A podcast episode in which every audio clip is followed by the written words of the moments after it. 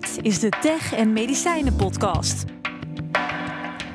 Inspirerende verhalen over genezen. Fijn dat je naar deze podcast over tech en medicijnen luistert. Mijn naam is Tom van Dek en ik praat met pionierende zorgprofessionals over genezen, politiek, geld en allerlei meest geavanceerde innovaties. Vereniging Innovatieve Geneesmiddelen maakt deze podcast mogelijk omdat zij het belangrijk vinden dat wij zorgprofessionals op journalistieke wijze aan het woord laten over allerlei zaken die nu versnipperd of soms helemaal niet ter sprake komen. Luisteren dus, zou ik zeggen. Vandaag ga ik in gesprek met twee pionierende zorgprofessionals. We praten onder andere over telemonitoring, andere e-health toepassingen. Privacy komt natuurlijk dan ook altijd weer even langs. Twee dames, Sabine Pinedo, vasculair internist, oprichter van de kliniek eh, Arterium en e-health organisatie Vital 10. Hartelijk welkom. Bedankt. En Martine Breedler, technisch geneeskundige, promovenda op de afdeling anesthesiologie van het UMC Utrecht en werkzaam als product researcher bij het bedrijf Focus Cura. Welkom. Uh, Martine, begin ik maar meteen met jou. Want je, je, ben jij onderzoeker of ben je ondernemer? Ik ben toch wel iets meer onderzoeker dan ondernemer. Ik ben, ik ben geen ondernemer, misschien wel een beetje ondernemend bezig, maar ik ben in eerste instantie vooral onderzoeker. En, en wat is dan Focus Cura en, en hoe ben je daaraan verbonden en hoe is dat verbonden met je onderzoek? Focus Cura is eigenlijk een organisatie wat ICT-oplossingen uh, aanbiedt voor uh, zorgorganisaties om eigenlijk cliënten en patiënten langer zelfstandig thuis te laten wonen. Uh, en Focus Cura ontwikkelt daarbij services, diensten voor partijen om bijvoorbeeld bijvoorbeeld patiënten uh, met telemonitoringdiensten voorzien, uh, zodat zij op afstand in de gaten kunnen worden gehouden. En dat doe je aan die kant. En aan de andere kant onderzoek, onderzoek je ontwikkelingen op dat gebied binnen het UMCU? ja, binnen het UMC Utrecht ehm, ja, ben ik meer als technisch geneeskundige en promovendus actief. En ben ik ook met telemonitoring bezig, maar dan wat meer met telemonitoring van acute patiënten. Dus niet alleen chronische patiënten, maar ook gewoon patiënten die opgenomen worden in het ziekenhuis. En bijvoorbeeld vanaf de intensive care op de gewone verpleegafdeling komen, waar we ook mogelijkheden zien om deze patiënten uh, op afstand in de gaten te houden. Ik ga even naar je buurvrouw Sabine, uh, vasculair internist, dokter dus. in het systeem, buiten het systeem. Want wat hebben jullie precies gedaan? Je hebt samen met je man heb je, iets opgericht. Ja. Wat is dat en wat maakt het anders dan wat er al was? Ja, we zijn eigenlijk uh, met opzet uh, hebben we bedacht dat we niet in een ziekenhuis willen werken. Uh, toen we klaar waren met onze opleiding tot cardioloog, respectievelijk ik dan internist. Omdat we dachten, ja, de zorg kan efficiënter en kan ook dichter bij de patiënt gerealiseerd worden. en dat kan je beter niet doen vanuit een ziekenhuis. Zeker niet 10 tot 15 jaar geleden, uh, want toen werd er nog helemaal niet op die manier aan gedacht. Uh, dus dat moet uh, buiten de zorg, maar wel met de verschillende stakeholders in de zorg, dus gezamenlijk. En uh, dat is uh, waarom we een uh, zelfstandig behandelcentrum hebben opgericht, Arterium dan. En daarnaast ook een, ja, een, een, een, bedrijf eigenlijk, Vital 10, wat focust op um, zorg dicht bij de patiënt. maar ook niet alleen zorg, ook preventie dicht bij de patiënt brengen, dus met name leefstijl. En we begonnen dus twaalf uh, jaar geleden met uh, trombosedienst op afstand. Dus daar hebben we heel veel ervaring mee gedaan. Of patiënten in, daadwerkelijk in staat zijn om uh, samen met de dokter tot een beter plan te komen. En dat zijn ze absoluut. Uh, en alle lagen van de bevolking ook. En um, toen hebben we hartrevalidatie, cardiovitaal opgericht. En ook daar hebben we heel veel van geleerd. En ook uh, van leefstijl op afstand. En telemonitoring speelt daar een belangrijke rol in? Ja. ja. Te, ja en kennen jullie elkaar in die zin? Of zien jullie elkaar hier ook voor het eerst? Wij zien elkaar voor het eerst. Wij zien elkaar hier voor het eerst. En als jij het verhaal hoort, van, ja, ken, ken, je hun, hun uh, concept? Ik ken hun concept. Um, ik heb er wel eens van gehoord, maar ik ken het niet van dichtbij. En is dat nou raar? Mag ik dat nou raar vinden? Dat twee mensen die zich zo aan de voorkant van de zorg bezighouden met iets. Wat zouden jullie elkaar kunnen vinden? Denk je als je haar verhaal hoort, Sabine, als je het verhaal van Martine hoort, daar zouden wij misschien iets meer mee kunnen nog? Ik denk het wel. Het enige verschil is dat wij met name uh, kijken. We zitten met de ene voet in de zorg en de andere voet kijken we echt vanuit de zorg. Dus want ik ben praktiserend internist. Kijken we naar wat is de behoefte van de patiënt. En, en dat bespreek ik ook in de spreekkamer. Dus het is heel, uh, uh, met elkaar, heel erg met elkaar verweven. Ja. En ik weet niet of Focus Cure dat doet hoor, maar dat doen veel techbedrijven die denken: we hebben een, een, een, een mooie oplossing. Maar dan hebben ze zich nog niet misschien verdiept in of dat inderdaad ook de behoefte is van degene die het moet gaan gebruiken. Ja, want Martine, hoe doen jullie dat? Want Focus Cure heeft niet direct met patiënten contact, zeg maar. Hoe, hoe ontwikkel je dan die dingen met, met deze vraag meenemend? Ja, dat is eigenlijk een hele goede vraag. Maar eigenlijk hebben we hebben niet direct contact met patiënten. Maar we hebben heel vaak uh, nodigen patiënten uit om uh, input te geven over uh, onze, nou, bijvoorbeeld onze telemonitoring applicatie C-Vitals. Van goh, kunnen jullie het gebruiken? Wat hebben jullie nou nodig? Wat maakt jullie, wat vinden jullie nou prettig om op afstand in de gaten te worden gehouden? Dus wij betrekken juist wel echt de patiënten hierbij. En ook eigenlijk gewoon de zorgprofessionals. Ik denk het mooie aan het Focus Cura is, is dat het, het levert een dienst. Dus in plaats van dat het alleen bijvoorbeeld echt een, een tech-fabrikant is waar, die voor alleen misschien een app ontwikkelt, kijken wij niet alleen naar die appkant, maar we kijken ook hoe kunnen we het nou implementeren. Dus we nemen juist die beide kanten en die van de zorgprofessional mee en die van de patiëntenkant. En dat uh, zorgt er denk ik voor dat het kan slagen. Daarop voortbordurend, eh, staan die zorgprofessionals allemaal te juichen uh, rond die ontwikkelingen van jullie? Of uh, zijn die, kunnen die ook remmend zijn? Die kunnen zeker remmend zijn. Ja, het is, het is best wel soms spannend en, om nieuwe innovaties in te zetten. En zeker niet alle zorgprofessionals staan meteen te juichen. Maar ik denk het belangrijkste is om aan zorgprofessionals hen eerst te, te leren of, of te laten zien wat de mogelijkheden zijn van dit soort nieuwe oplossingen. En dat het hen ook daadwerkelijk kan helpen in hun dagelijkse werkzaamheden als, als arts. Dus vaak, ja, uh, ik zeg wel eens, onbekend maakt onbemind. Dus je, je zult wel eerst de mogelijkheden moeten zien en dat zelf moeten ervaren op kleine schaal. Om uh, te zien wat, hoe, in hoeverre het je kan helpen. Sabine, zijn jullie met open armen ontvangen? Of heb je wel wat weerstanden moeten overwinnen? Langzamerhand uh, zijn jullie wel geaccepteerd, geloof ik, hè? Ja, langzamerhand zijn we geaccepteerd, maar het heeft inderdaad wel tien jaar geduurd. Um, wat is en... de grootste weerstand dan die, die je moet overwinnen? Ja, we begonnen dus met de trombosedienst. En uh, die heeft een bepaalde manier van werken. Uh, die, als die moet veranderen, dan is het hele, ja, de hele business case weg, om maar zo te zeggen. Uh, dus dat was niet de makkelijkste. Um, tak om mee te beginnen. Maar daar hebben we dus wel heel veel van geleerd.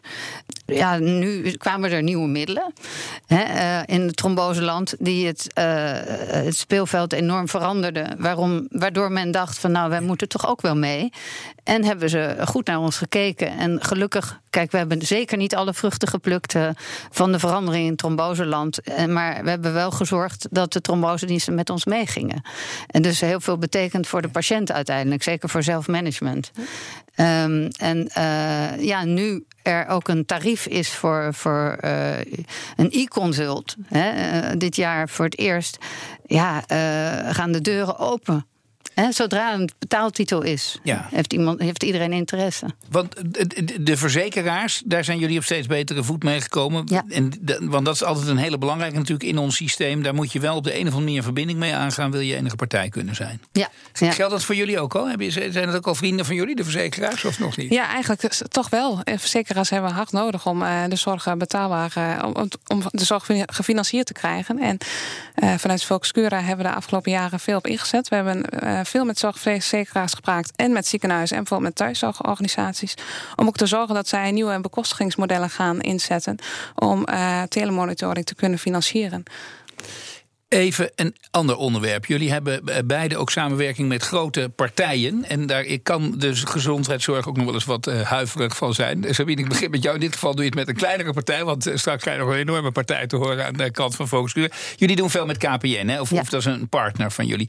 Wekt dat huiver op bij mensen? Want mensen zullen denken, ja, KPN, dat is telefoon, dat is geld verdienen. Uh, stoot dat af? Nee, ik denk dat het uh, strategisch een hele goede partner is. En dat ook uh, anderen dat uh, absoluut inzien. Want en nu ook met de komst van de, de AVG is het gewoon heel relevant dat je uh, de data uh, goed uh, trans veilig transporteert. En dat is de reden dat wij voor KPN gekozen hebben. Um, en daarnaast hadden ze natuurlijk een heel interessant device. Mijn man is cardioloog. en ja, één en één was twee. Want wij kunnen zorg leveren. Zij hebben het device en ze kunnen dat veilig. Uh, um, aanbieden aan de, aan de huisartsen. Dus ik denk. Um, uh, dat je steeds meer en meer gaat krijgen, dat hoop ik eigenlijk ook, om de zorg betaalbaar te houden. Uh, dat uh, private partijen in de zorg een, een, bijdrage gaan leveren en ook. De zorg, ja, ook, ook financiële bijdrage gaan leveren. Dus, um, en ik denk dat de prijs van hetgeen we bieden absoluut laag moet zijn. En niet met, met grote partijen die dure medium inzetten. Want dat maakt de zorg alleen maar duurder. Ik ga naar jouw buurvrouw, uh, uh, Martine. Want jullie werken samen met Apple, heb ik begrepen zelfs. Focus Cura, klopt dat? Ja, Focus Cura heeft een samenwerking met Apple. En, en, en waar bestaat die uit? En wat, wat, wat, kunnen die dan wat jullie nog niet kunnen? Of? nou, eigenlijk moet je vooral zien dat het een, een, een strategische samenwerking uh, inhoudt. Waarin zij ons vooral ook leren hoe kunnen wij nou bijvoorbeeld het design van die apps zo simpel mogelijk houden.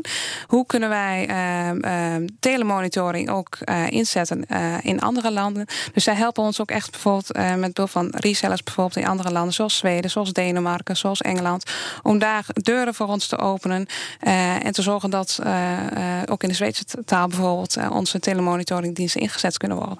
En in die zin zijn jullie, ja, proeftuin is nooit een mooi woord, maar wel een beetje de, de, de voorhoede waarin een aantal dingen uitgeprobeerd worden? Ja, uitproberen vind ik denk ik niet het mooiste woord. Maar nee. ik denk dat. Zit dus een ander woord voor dan? Uh, nou, misschien toch wel ook wel nog steeds een beetje een pionier. Dat we al een heel aantal jaren hiermee bezig zijn. En uh, daar steeds meer uh, stappen in zetten. En dat uh, Apple dat ook ziet. En dat we wel degelijk stappen kunnen maken. Ja belangrijke partij in ons zorgstelsel is, hoe je het ook went of keert, de overheid. Altijd een lekker woord, hè? De, de overheid. Um, ik begin nu bij jou. Wat is de rol van de overheid? Als jij zegt overheid en telemonitoring, de, de, stimuleren ze, remmen ze, wat doen ze, Martien? Ik vind soms dat het te vaak negatief wordt gesproken over de overheid. En ik denk dat zij, uh, zij hebben vooral een stimulerende en faciliterende rol. En ik denk ook dat zij die rol op bepaalde gebieden zeker inzetten. En uh, ja, ook moeten zorgen dat zorgverzekeraars en zorgorganisaties met elkaar uh, uh, blijven praten en samenwerkingsafspraken maken om die zorg gefinancierd te krijgen.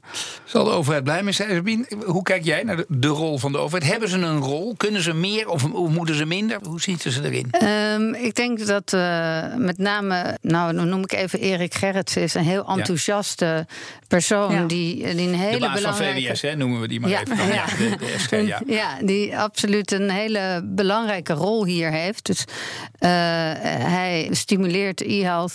Um, ik vind, heb altijd een beetje moeite met het woord e-health. Ja. Uh, de zorg dichter bij de patiënt brengen. Stu stimuleert die enorm. En uh, daarom denk ik dat ze heel goed bezig zijn. Aan de andere kant um, denk ik dat er te snel um, grote subsidies worden uitgedeeld. Uh, dat is, he, die worden dan uitgedeeld aan, aan ziekenhuizen. Van nou, he, zorg ervoor dat, er, dat je een portal bouwt, zodat de patiënt zelf inzage heeft in het dossier. En ik denk dat dat een beetje weggegooid geld is. Um, ik denk dat er, althans, er moet zeker uh, subsidies gegeven worden, maar er moet meer een plan achter zitten. Dus er moet meer. En jij zegt er moet eigenlijk een grootschaliger plan. We, we zitten te veel kleine projecten. Allemaal eilandjes. Allemaal eilandjes. Ja. Ja. Dat is de, de, alsof jullie mijn volgende vraag wilden raden. Want dat is natuurlijk de vijanden, zeg maar. Zo die bestaan. Die zeggen ja, dat is allemaal leuk, die systemen. Maar het moet allemaal met elkaar praten. Dat kan heel vaak niet. Dus die e-health, ik moet het allemaal nog maar zien. Ik kom eerst bij jou met focuskuur. Want dat is wel hier en daar waar. Hè? Dat er prachtige systemen zijn. Alleen ze kunnen niet met elkaar praten. Nee, dat is op dit moment eigenlijk nog wel een probleem. In Nederland uh, eigenlijk willen we uh, graag naartoe naar een landelijk EPD. Maar op dit moment uh, praten die systemen nog nauwelijks met elkaar. En daar uh, zetten we wel steeds meer stappen in. En de overheid uh, stimuleert dat ook wel. we hebben met mij, we hebben het, het landelijk. Dus er worden wel langzaam stapjes gezet. Maar het probleem is gewoon dat je als specialist op dit moment niet vanuit een ziekenhuis het dossier kunt inzien van de patiënt in zijn eigen of regionale ziekenhuis. En dat is eigenlijk toch wel gek. patiënten zelf die snappen dat eigenlijk helemaal niet. Jij wil daar ook onmiddellijk op doorgaan. Sorry. Ja, uh, zeker waar dat de professional inderdaad geen inzage kan hebben in het dossier. Uh, maar ook de, de patiënt waar het uiteindelijk om draait. Want zonder patiënt ja. hebben we geen zorg. Uh, ja, die um, moet, als hij in één ziekenhuis zit, heeft hij een bepaald dossier. En gaat hij naar een ander ziekenhuis, heeft hij weer een ander dossier.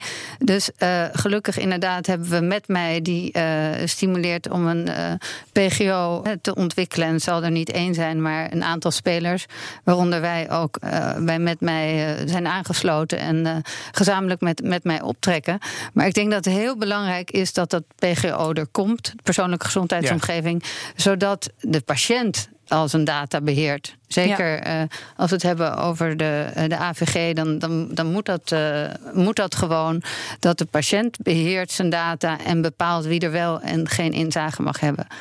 En die kan dat altijd bij zich hebben en ten alle tijde op elk moment overdragen aan wie hij of zij wil. Op dat moment. Dat is eigenlijk de droom van de toekomst. Dat iedere Nederlander op die manier. Is dat jullie droom, droom, ook? Ja, absoluut. Da data hoort uh, en blijft. Uh, die, dat, die is van de patiënt. En de patiënt die moet uh, toestemming kunnen geven aan wie hij zijn of haar data wil delen. En omzeil je daarmee ook, is natuurlijk zo actueler dan actueel nu. Het woord privacy wordt ook altijd meteen ja, privacy. En omzeilt dat die hele discussie? Nee, dat, ik denk niet dat dat die hele discussie omzeilt. Ik denk wel dat dat het belangrijkste standpunt is. Uh, de data is van de patiënt en dat moeten we uh, uh, veilig, dat moeten we goed, goed hebben geregeld en gaan regelen. En maar er zijn nog wel heel wat stappen te zetten. Want Sabine, zijn ook mensen die zeggen: ja, bij wijze van zoals het nu is, geloof ik het allemaal wel. Eh, goede partijen, dit en dat. Maar wie zegt wat er met al die data in de toekomst gebeurt? Hè? Zeg ook wel eens mensen. Of er hoeft maar één ander persoon, nou ja, et cetera. Ja, ja, dat is ook ons. Uh, dat is waar wij absoluut over nadenken. En eigenlijk willen wij er naartoe met onze eh, persoonlijke gezondheidsomgeving. Hebben we ook een aparte uh, entiteit opgericht. Dat eigenlijk de patiënt dus ook eigenaar wordt van zijn data. En ja, een soort van vereniging opzetten, zodat je ook met elkaar een vuist kan maken. Laten we het vergelijken met de ANWB. Eh, dat is wat we nu uh, hebben gedaan. Uh, en ik denk wel dat je op die manier eh, het, de discussie kan omzeilen. door het echt aan de patiënt te geven. Dat, dat je niemand anders toe, toestemming kan geven om in te kijken als je dat niet wil. Dan eigenlijk de hamvraag waarvoor we hier zitten. Want uiteindelijk moet het natuurlijk bijdragen aan betere patiëntenzorg. Dat is waar alle ontwikkelingen op ingezet zijn. En ik weet een heleboel dokters die zeggen: ja, mijn patiënten zijn nog niet helemaal aan toe. Of die willen dat nog niet helemaal. Ik kom eerst eens even bij jou, uh, bij Focuscura. Wat is de, de, de, de, de grootste remmer in, in uh, e-health ontwikkeling? Is dat uiteindelijk de dokter of is het de patiënt? Ik denk iets meer de dokter dan de patiënt. Wat wij zien is dat. En de dokter bedoel ik even alle, alle werkers in de gezondheidszorg ja, mee, ja. zeg maar, eventjes. Ik denk iets meer alle werkers in de gezondheidszorg dan, dan uh, alleen de patiënt. De patiënt uh, die, die, die wil het wel. Als je de patiënt vraagt, en de patiënt die, die, uh, die gebruikt telemonitoring thuis, dan zien wij gewoon dat het hen een ontzettende geruststelling geeft. Dat zij weten dat zij op afstand in de gaten worden gehouden. Dat zij weten dat de zorgverlener op tijd aan de bel trekt, mochten zij achteruit gaan. En die geruststelling zorgt van zo'n enorme verbetering van de kwaliteit van leven van de patiënt. Uh, dat wij eigenlijk uh, zien dat aan die patiëntenkant, mits zij natuurlijk ervaring mee hebben, uh, zien dat dat, wel, dat dat wel goed komt.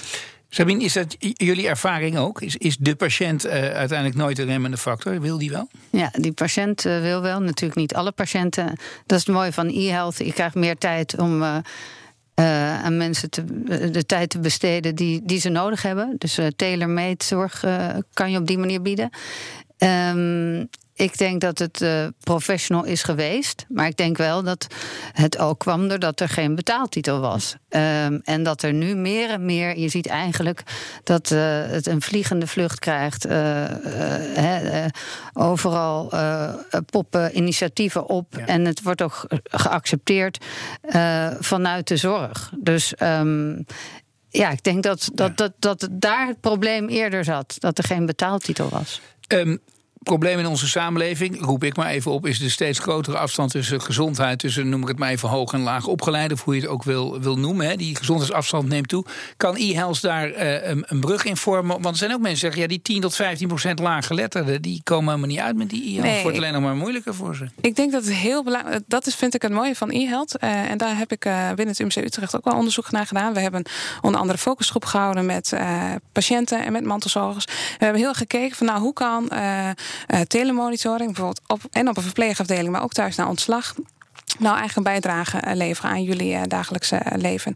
En hebben we hen gewoon letterlijk gevraagd van... Goh, waar, waar maken jullie zorgen over? Wat zien jullie als voordelen? En wat wij daarin zien is eigenlijk dat er gewoon verschillende typen patiënten zijn. Patiënten die heel erg actief zijn en die heel uh, hoog zelfmanagement hebben en die dat allemaal heel goed kunnen. Maar ook patiënten die wat meer passief zijn en die wat meer achterover gaan leunen, maar die wel degelijk graag in de gaten worden gehouden. En ik denk niet dat we moeten beweren dat e-health voor 100% van de patiënten geschikt is. En er zal altijd een kleine groep blijven die we gewoon in het ziekenhuis moeten blijven zien. En, maar je kunt wel veel beter zorg op maat uh, gaan leveren. En voor die, die zorg op maat, want ik kijk ook naar jou. Ik zit te denken, je moet ook misschien meer met filmpjes of met, met tekeningen. Of ja, ik noem maar gewoon even wat dingen. Is dat allemaal in ontwikkeling? Ja, dat hebben we allemaal in ons uh, portal. Uh, we hebben van de Hartstichting een uh, subsidie gekregen.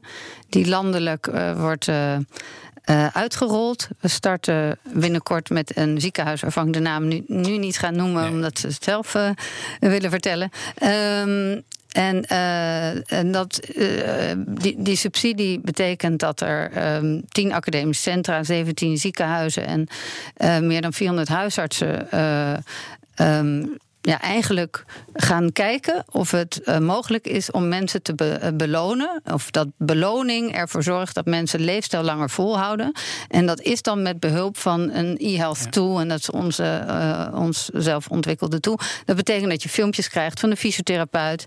met de vraag of je die oefening wil doen. En dan kan je aangeven of van 1 tot 10 hoe die oefening is gegaan.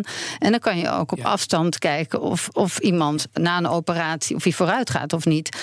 ook in informatieve filmpjes over diabetes. Wat houdt die diabetes in? En dat is op een hele speelse manier dan uh, ja. uh, wordt dat weergegeven. En mensen krijgen punten als ze zo'n filmpje kijken. En die punten kunnen ze weer, weer verzilveren voor producten en diensten. Zoveel mogelijk op maat naar de mensen toe uh, toegemaakt. Ja. Ik heb eigenlijk nog twee vragen jullie. De eerste is, vragen we aan iedereen. Martine Betel, ik begin bij jou. Heb je een advies voor onze minister? We krijgen hem als laatste in de podcastserie. Dus wij willen al die adviezen geven. Graag. Ja, nou, ik noemde het net al even. ik vind eigenlijk dat we iets positiefs tegen onze minister en tegen de hele overheid aan mogen kijken. Dus ik denk dat we hem wel eens een keer mogen complimenteren wat uh, de rol die hij pakt, hoe hij de e-health en telemonitoring faciliteert. Ik denk wel, e-health voor chronische patiënten is, krijgt steeds meer bekendheid. Wij zijn nu het, in, binnen het UMC Utrecht ook met een Europees project bezig, gedaan Nightingale. En dat gaat echt om telemonitoren van acute patiënten. Dus meer continu monitoring. Ik denk dat daar vanuit de overheid ook nog wel een winst te behalen is om dat meer uh, te faciliteren, aandacht te geven. Sabine, heb jij een uh, advies? Ja, ik noemde het net al even. Uh, als het gaat om, om subsidie verstrekken, denk ik dat het goed is om daar een aantal voorwaarden aan te stellen. Natuurlijk zijn er voorwaarden, maar ook voorwaarden waar uh, wordt gezegd: als je deze subsidie wilt gebruiken als ziekenhuis. Uh, dan uh, ben je verplicht hè, om um, met alle spelers in het veld, in de regio of landelijk, hè, want zo groot is Nederland niet, uh, samen te werken. En, want anders dan wordt het dus eilandjes en dan ja, is het eigenlijk weggegooid geld. Dus er moet meer structuur komen als het gaat om subsidies en ja, nog betere voorwaarden. Mijn allerlaatste vraag: is er een percentage uit te drukken waarin e-health nu een rol speelt? In onze gezondheidszorg? En hoe zou zich dat verhouden tot over een jaar of tien? Mogen jullie allebei een getal, Is daar een getal aan toe te kennen? Ik zie jullie zorgelijk naar elkaar kijken.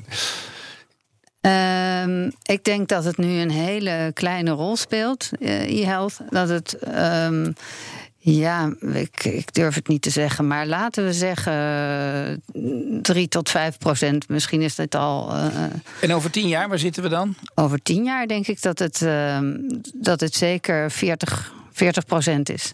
Martine. Ja, 40% zou een heel mooi groot percentage zijn. Ik denk dat op dit moment dat het om enkele procenten gaat. En ik hoop over tien jaar, nou, 20, 30 procent, dan zijn we al een heel eind, denk ik. Ik wil jullie beiden danken voor dit gesprek. Sabine Pinedo, vasculair internist, oprichter van Kliniek uh, Arterium en de IANS-organisatie Vital 10. Martine Breedler, ik zeg nog één keer wat je allemaal doet. Technisch uh, geneeskundige promovenda op de afdeling anesthesiologie van het UMC Utrecht. En product researcher bij Focus Cura. Ik dank u allemaal voor het luisteren natuurlijk. Dat was alweer de tiende Tech en Medicijnen podcast. En wil je niks missen uit deze serie van de 20? Ga dan naar de BNR-app en in een paar kliks ben je gratis geabonneerd op deze serie. Tot de volgende.